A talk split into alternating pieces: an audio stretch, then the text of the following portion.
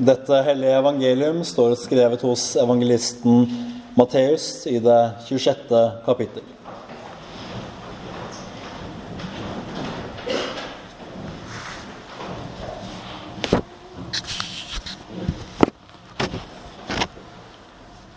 Så kom Jesus med dem til et sted som heter Getsemane, og han sa til disiplene, Sett dere her mens jeg går dit bort for å be.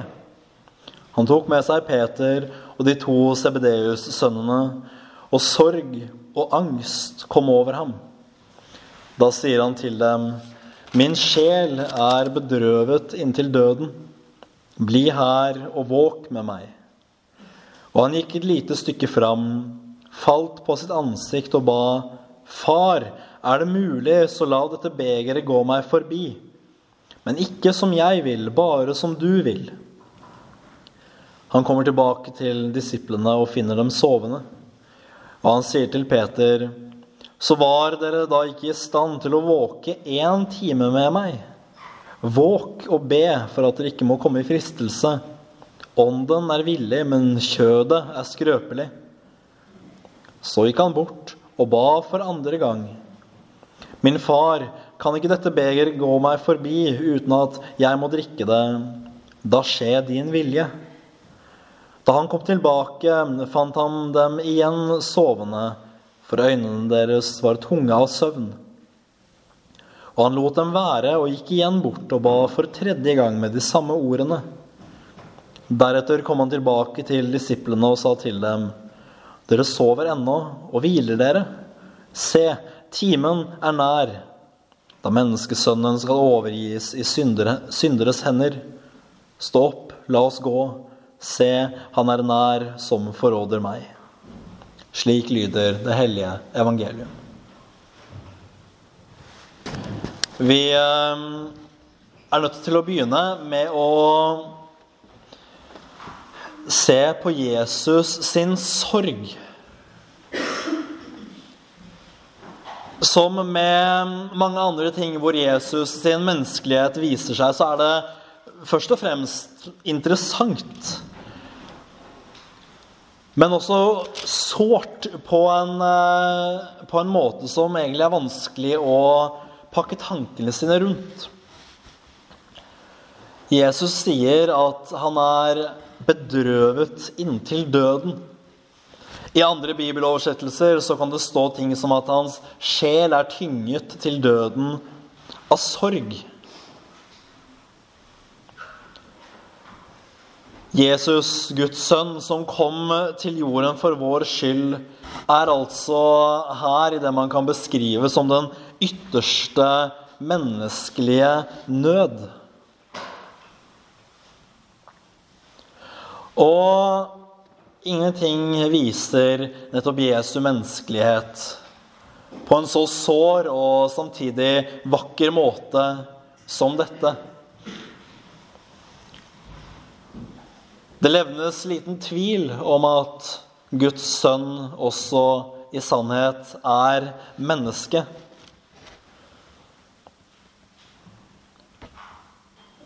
Først ved dette enkle at han er i stand til å kjenne sorg. Og at han kjenner hvordan sorgen tynger. Så ved dette like menneskelige at han trenger vennene sine. Han har med seg disipler inn i Getsemane. For Jesus vet hva som venter. Han vet hva som kommer. Han vet hvilken gjerning han er innvidd til. Og han vet hvorfor han er kommet til jorden, og hva han må utstå av lidelser for menneskets skyld. Og han trenger vennene sine.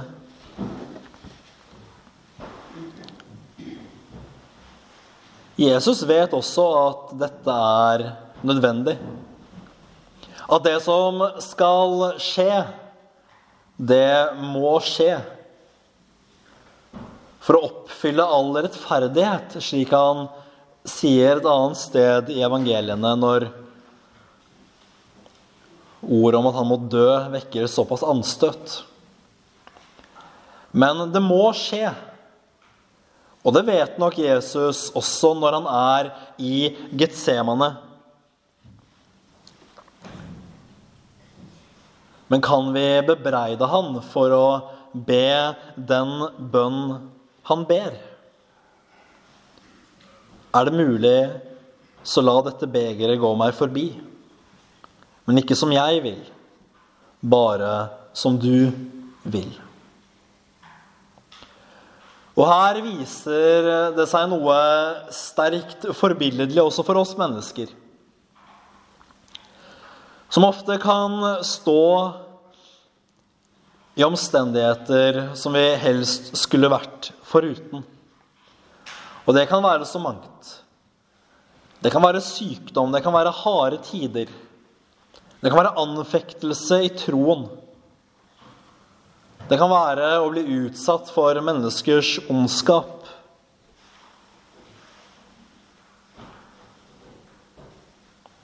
Av Jesus så kan vi lære å etterspørre alltid i det som skjer, at Guds vilje skal skje.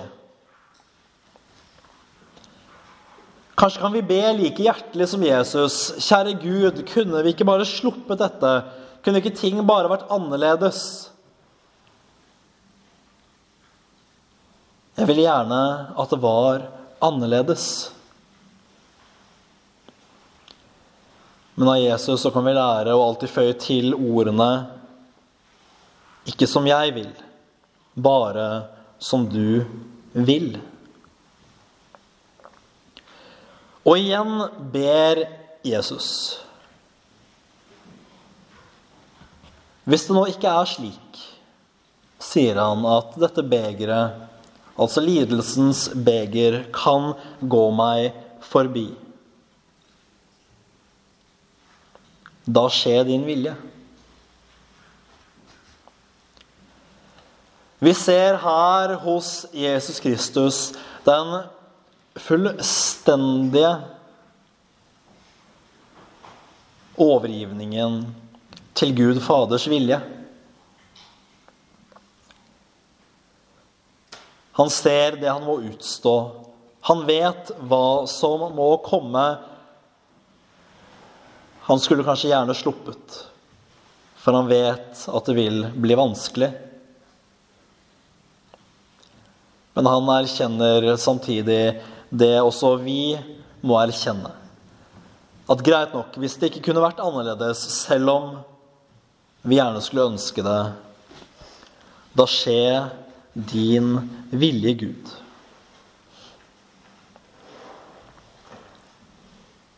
Det skulle vi lære av denne overgivningen til Guds vilje.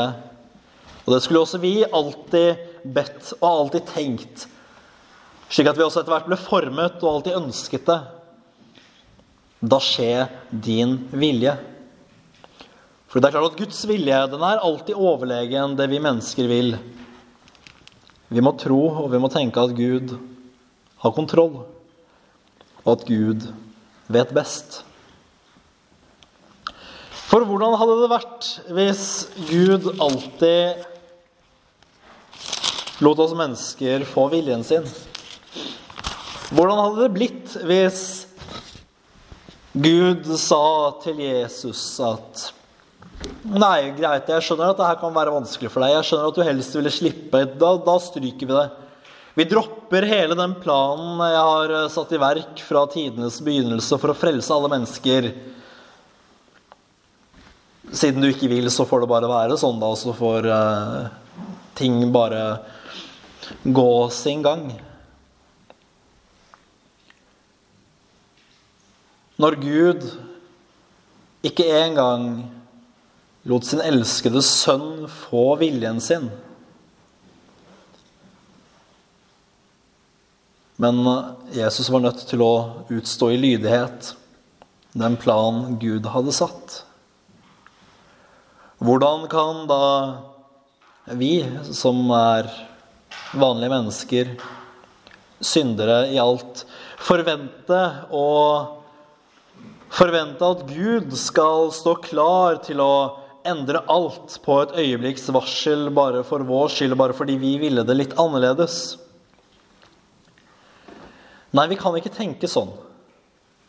Guds vilje den er alltid overlegen. Og tilbake til det som var opprinnelige poenget mitt før jeg gikk litt til siden nå. Hvordan ville ting sett ut hvis Gud hadde sagt Greit, Jesus. Som du vil, ikke som jeg vil. Da dropper vi det. Da ville verden sett mørkere ut. Vi ville ikke hatt evangeliet. Vi ville ikke hatt Jesu død og oppstandelse. Vi ville ikke hatt syndenes forlatelse.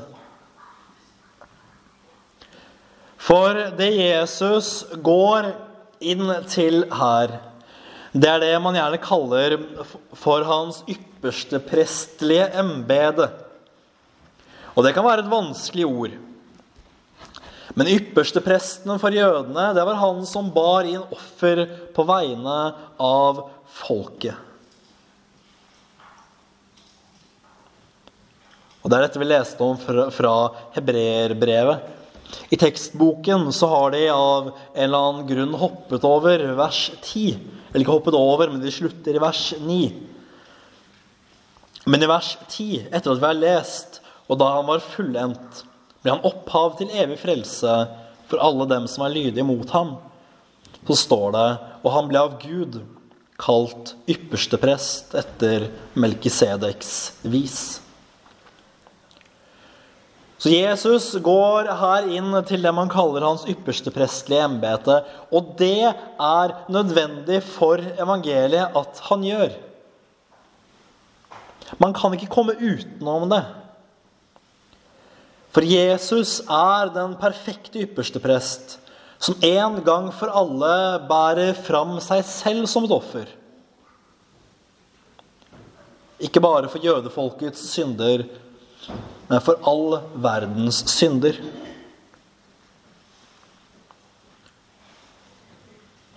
Dette er et tungt og lidelsesfullt embete som Jesus går inn i. Og jeg tenker at Vi skulle ofte tenke mer på det. Hvor brutalt dette egentlig gikk for seg. Hvor mye Jesus måtte utstå for å fullføre dette embetet. For jeg tror at hvis vi skjønnmaler det og tenker at eh, nei, det var kanskje ikke så vondt, det var kanskje ikke så farlig Da tror jeg vi løper risikoen med, å, med at takknemligheten overfor det Jesus gjorde, forsvinner. Vi tenker jo det at det Jesus gjorde, det står jo fast uansett hvor takknemlige eller ikke vi er. Men tenk på dette at Jesus vant frelse for alle mennesker ved å utstå de verste lidelser. Det skulle gjøre at vi tenker litt ekstra på dette med en større takknemlighet. Nettopp fordi det kostet Jesus så mye. For nettopp denne gjerningen han gjorde, den var fullstendig nødvendig for at vi mennesker skulle bli frelst. I den gamle tid så var det sånn at ypperstepresten måtte bære fram offer fordi folket syndet. Men det var noe de måtte gjøre jevnlig. Fordi folket syndet mye, og det var heller ikke et perfekt offer. Men Jesus er det perfekte offer fordi han er Guds sønn. Og fordi han er sann Gud og sant menneske. Og når Jesus da er det perfekte offer, så holder det at han ofres en gang for alle på Golgata når han korsfestes, og aldri skal han ofres igjen. Og like fullt som dette er et perfekt offer en gang for alle, så er offeret like perfekt fordi det gjelder alle mennesker til alle tider som bare ville vende om og tro. Og tro at dette offer er godt for å, full, for å tilgi alle våre synder.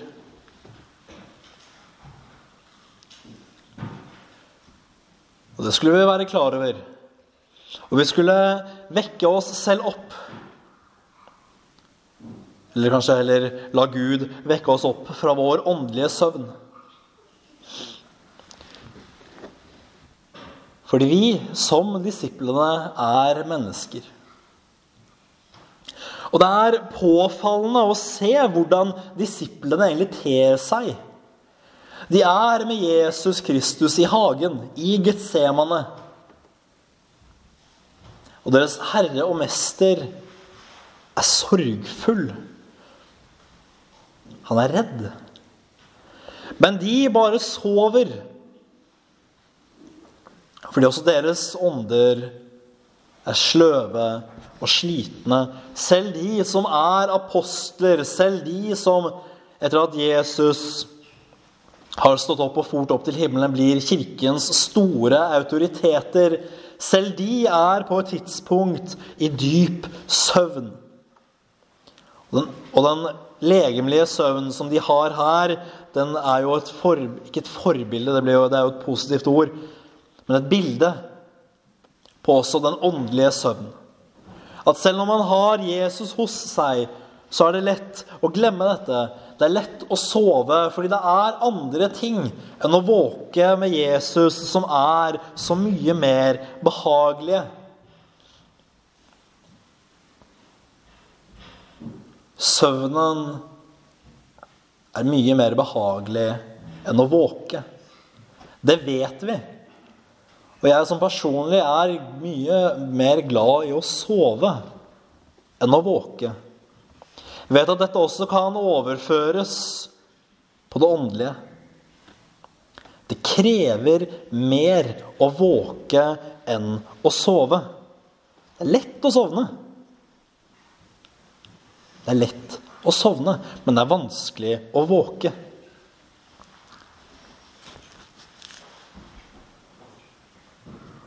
Men jeg tenker ofte på hva vi kan gå glipp av når vi sover. Og parallellene mellom eh, det legemlige liv og mellom det åndelige liv, de innser jo det mens jeg snakker nå, at de er jo egentlig helt åpenbare. For hvis jeg sover en hel dag, da er det mange ting som kan ha gått meg helt forbi. Jeg kan ha gått glipp av veldig mange ting. Disiplene, hva gikk de glipp av? Jo, de gikk glipp av sin siste tid med Jesus. De var jo glad i sin mester. De hadde gått lenge sammen med ham. Og den siste tiden, rett før han ble grepet, så sover de for et utrolig sløs med tid. Og er det sånn at Er det sånn også med oss? At vi syns det er så behagelig å sove at vi er så glad i vår åndelige syndesøvn, hvor vi ikke bryr oss om noe annet enn vår egen nytelse og vår egen eh, selvoppfyllelse eller selvrealisering eller hva det måtte være. At vi glemmer å legge vind på å våke. Og før vi vet ordet av det, så er omvendelsens og nådens tid over.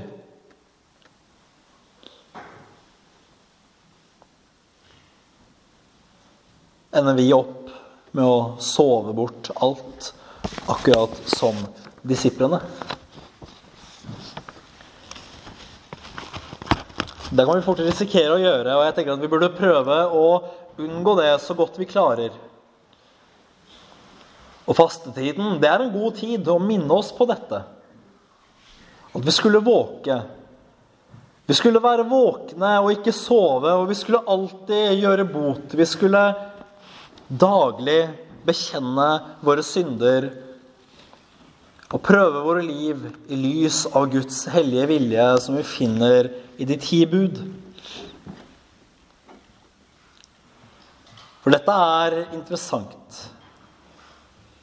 Og det er utfordrende og tidvis anfektende ord. Dette vi leste fra det siste verset i hebreerne fra tekstboka. Og da han var fullendt, ble han opphav til evig frelse for alle dem som er lydige mot ham. Vi kommer ikke utenom at lydighet mot Kristus, lydighet mot Hans bud, også henger, fast, henger sammen med frelsen. Ikke at det er gjerningene som frelser oss. Det må vi aldri tro. Det har vår kirke avvist egentlig i all tid. At vi frelses ved gjerninger fordi vi frelses ved troen på Kristus alene. Men hvordan kan vi si oss å være frelst hvis vi er ulydige mot Kristus selv?